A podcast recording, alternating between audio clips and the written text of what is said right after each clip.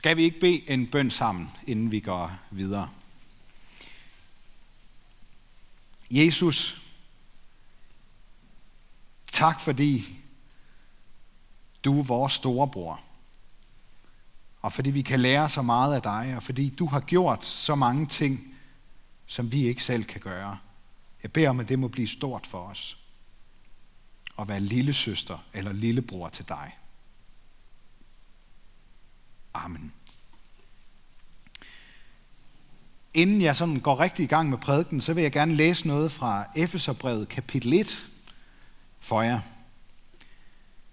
Det er Paulus, der siger sådan her. Lovet være Gud, vor Herre Jesu Kristi Far, som i Kristus har velsignet os med al himlens åndelige velsignelse. For før verden blev grundlagt, har Gud i ham udvalgt os til at stå hellige og uden fejl for hans ansigt i kærlighed. I sin gode vilje beforudbestemte han os til barnekår hos sig ved Jesus Kristus, til lov og pris for hans nådes herlighed, som han har skænket os i sin elskede søn. I ham har vi forløsning ved hans blod, tilgivelse for vores sønder ved Guds rige nåde. Den gav han os et rigt mål med al visdom og indsigt ved at lade os kende sin viljes hemmelighed ud fra den gode beslutning, han selv forud havde fattet om den frelsesbane for tidens fylde, at sammenfatte alt i Kristus, både det himmelske og det jordiske. I ham har vi også fået del i arven, vi som var forudbestemt dertil ved Guds beslutning, for han gennemfører alt efter sin viljes forsæt, så at vi kan blive til lov og pris for hans herlighed. Vi som allerede forud havde sat vort håb til Kristus. I ham blev også I, da I hørte sandhedens ord, evangeliet om jeres frelse. I ham blev også I, da I kom til tro, besejlet med forjættelsens hellige ånd, som er pantet på vor arv, indtil forløsningen kommer for hans ejendomsfolk til lov og pris for hans herlighed.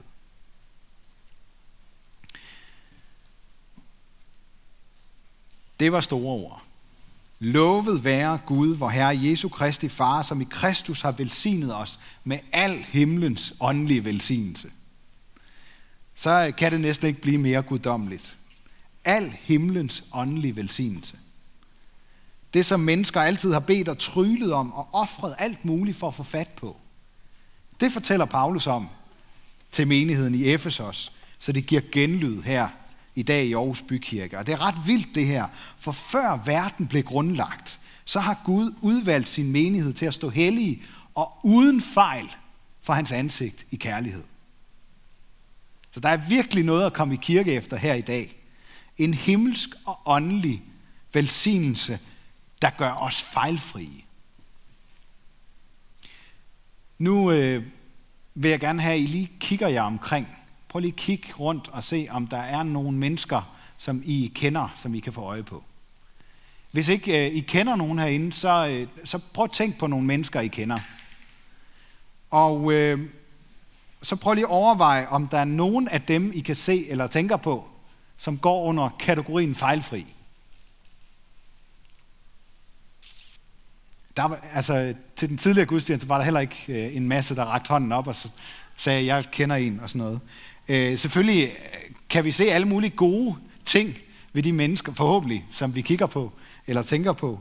Men vi ved også godt, hvis vi skal være ærlige, det gælder os selv inklusiv, så er vi ikke fejlfri. Ikke en eneste af os.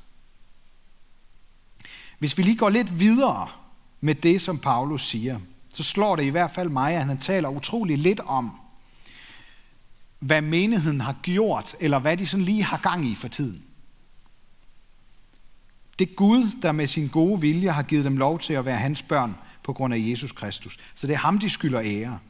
Det er ikke menighedens evner eller kvaliteter, der find, det er ikke i deres evner og kvaliteter, der findes fejlfrihed.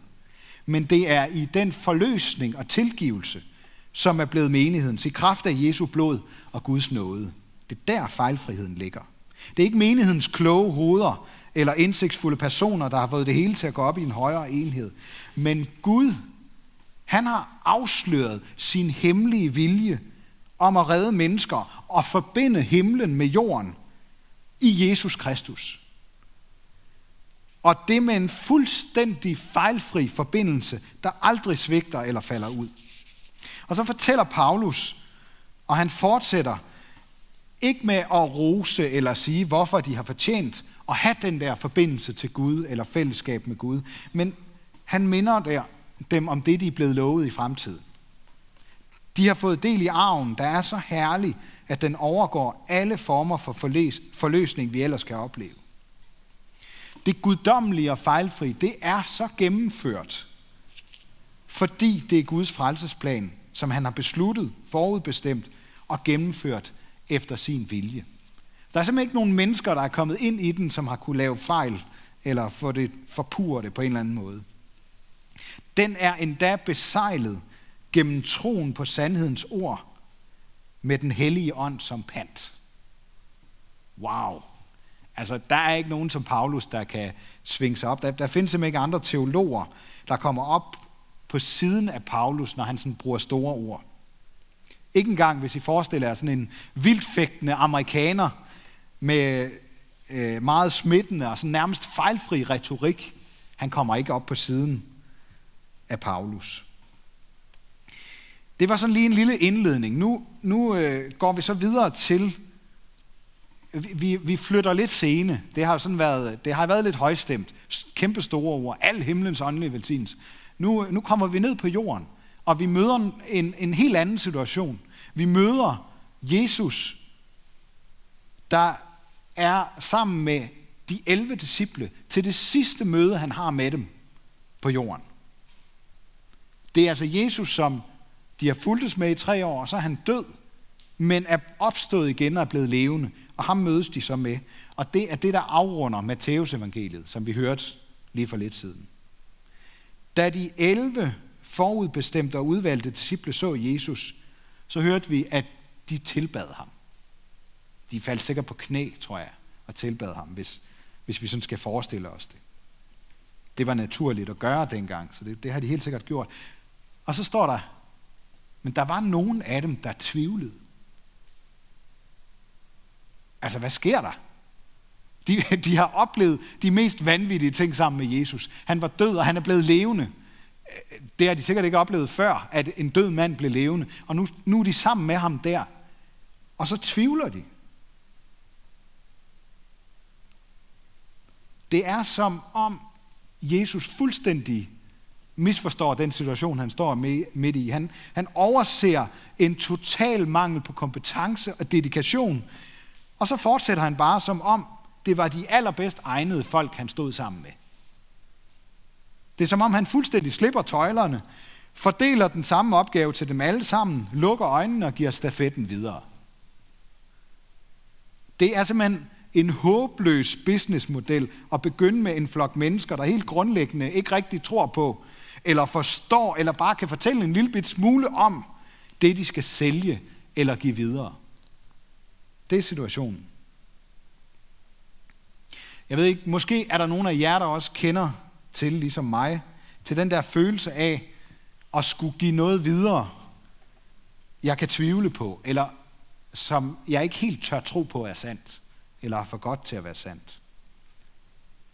Og så er det ofte, at det ender med, at jeg egentlig vil sige eller gøre, det jeg egentlig vil sige og gøre, det kommer på sådan en venteliste over alt det, jeg burde, men som jeg nok heller lige, tror jeg, vil vente lidt med, fordi jeg vil gerne være sikker på at få sagt eller, øh, sagt eller gjort det rigtigt, og ikke ende med at begå fejl og gøre noget dumt. Og så kommer jeg ofte til at tænke på, at der er mange andre, der er bedre til det der, øh, med at fortælle om tro og være et godt forbillede. Øh, sådan kan vi godt tænke. Jeg kunne egentlig også godt ret let forestille mig nogle mere kompetente mennesker end fiskere, tømmer og så en småkriminelle toller som Matthæus til at lede en verdensomspændende revolution. Men Jesus han udvalgte netop de 12 mennesker. Hvorfor 11 øh, mennesker? Jeg kom simpelthen til at sige 12, fordi 12, det kender vi, det er, sådan et, det er et helt tal. Det er ligesom, der er noget særligt over det. Hvorfor, hvorfor er der kun 11? Altså jeg ved godt, det er jo fordi Judas ikke længere tæller med. Han er der ikke mere. Men jeg tror også, der er en dybere betydning. Og det er den betydning, at der altid er plads til en mere, der vil give det videre, som Jesus kom til jorden med. Til dig og til mig og til alle dem, vi møder. Der er altid plads til en mere. Og derfor så er det både et løfte og en udfordring i det, at de var 11 og ikke fuldtallige, da Jesus sendte dem ud i verden med det gode budskab. Jeg tror, han udvælger netop dig og mig til at give det videre til vores familie, venner, naboer, kollegaer, medstuderende, klassekammerater. Ikke fordi vi er fejlfrie, eller fordi vi er de mest perfekte og kompetente, men fordi vi er mennesker, som han kender, og fordi han vil være med os alle dage til verdens ende. Og det er ikke sådan eksklusivt forstået, men det er med en invitation til, at alle, der ønsker det, kan lære ham at kende og komme med i flokken, der er fuld af fejl.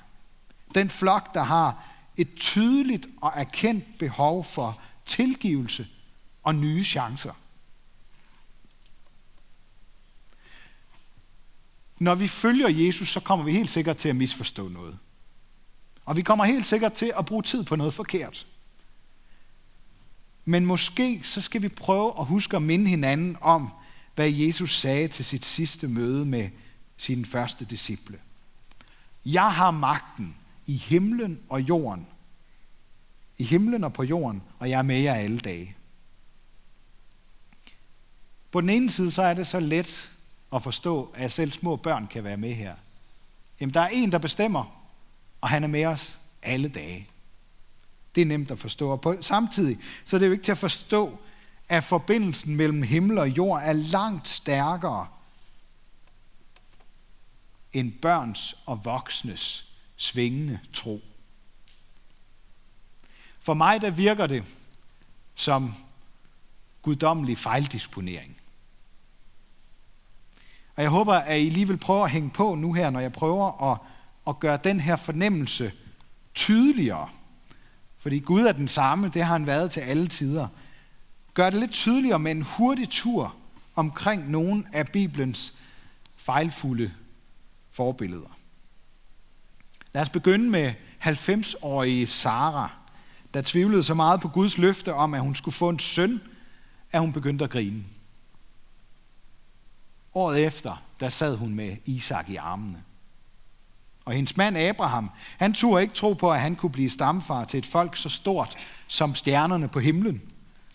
Med sin kone Sara i hvert fald. Så han tog sig en kone til for at være på den sikre side. Den prostituerede Rahab kom ved, hjælp, ved at hjælpe to spejdere fra Guds folk. Så kom hun til at spille en afgørende rolle i Guds frelsesplan. Og lederen Gideon, han tvivlede så meget på, at Gud fandtes, at han måtte have to mirakler, to tydelige tegn, før han modvilligt gik med til at samle en hær, der kunne beskytte folket mod røverbander. Og morderen David, han blev på trods af sine ukyrlige svigt som konge og nabo, og i virkeligheden også som far, så blev han kaldt en mand efter Guds hjerte. Disciplen Peter turde ikke fortælle de andre omkring bålet, at han kendte Jesus. Han nægtede simpelthen bare alt. Og Thomas, han ville ikke tro de andre, før han selv havde set, at Jesus virkelig var blevet levende. Og så er der svindleren Matthæus, som fik lov til at være en af de to evangelister, der både har oplevet og nedskrevet historien om Jesus Kristus. For slet ikke at nævne Paulus, der overhovedet ikke troede på noget som helst af det der med Jesus og kristendom. I hvert fald ikke før han blev omvendt. Det virker simpelthen som guddommelig fejldisponering. Men der er det ved det, at når man lærer Jesus at kende, så bliver det også samtidig til en befriende mulighed, som vi plejer at kalde for evangelium her i kirken. Altså et godt budskab om en ny chance til alle, der godt ved, at de slet ikke er fejlfrie, og ikke kan få livet til at vende rigtigt, uden himlens åndelige velsignelse. Og den velsignelse, den består i at være et fejlbarligt menneske, der er blevet gjort hellig og uden fejl gennem den kærlighed, som Jesus har vist og gør til vores gennem sin tilgivelse. Jesus er øh, gennem tiden blevet kaldt alle mulige ting, både lige fra gal til genial. Han delte vandene dengang, og det gør han stadigvæk i dag. Prøv lige at høre det her. Guds søn på jorden som et almindeligt menneske. Prøv at høre det her. Os almindelige kristne som en del af Guds plan om at redde alle mennesker. Kan I høre det? Det er ligesom om, der er ikke rigtig forbindelse, vel? Det er ligesom en verden og så en anden verden. Det er himmel og jord. Men der bliver skabt forbindelse. Det er det, Jesus gør.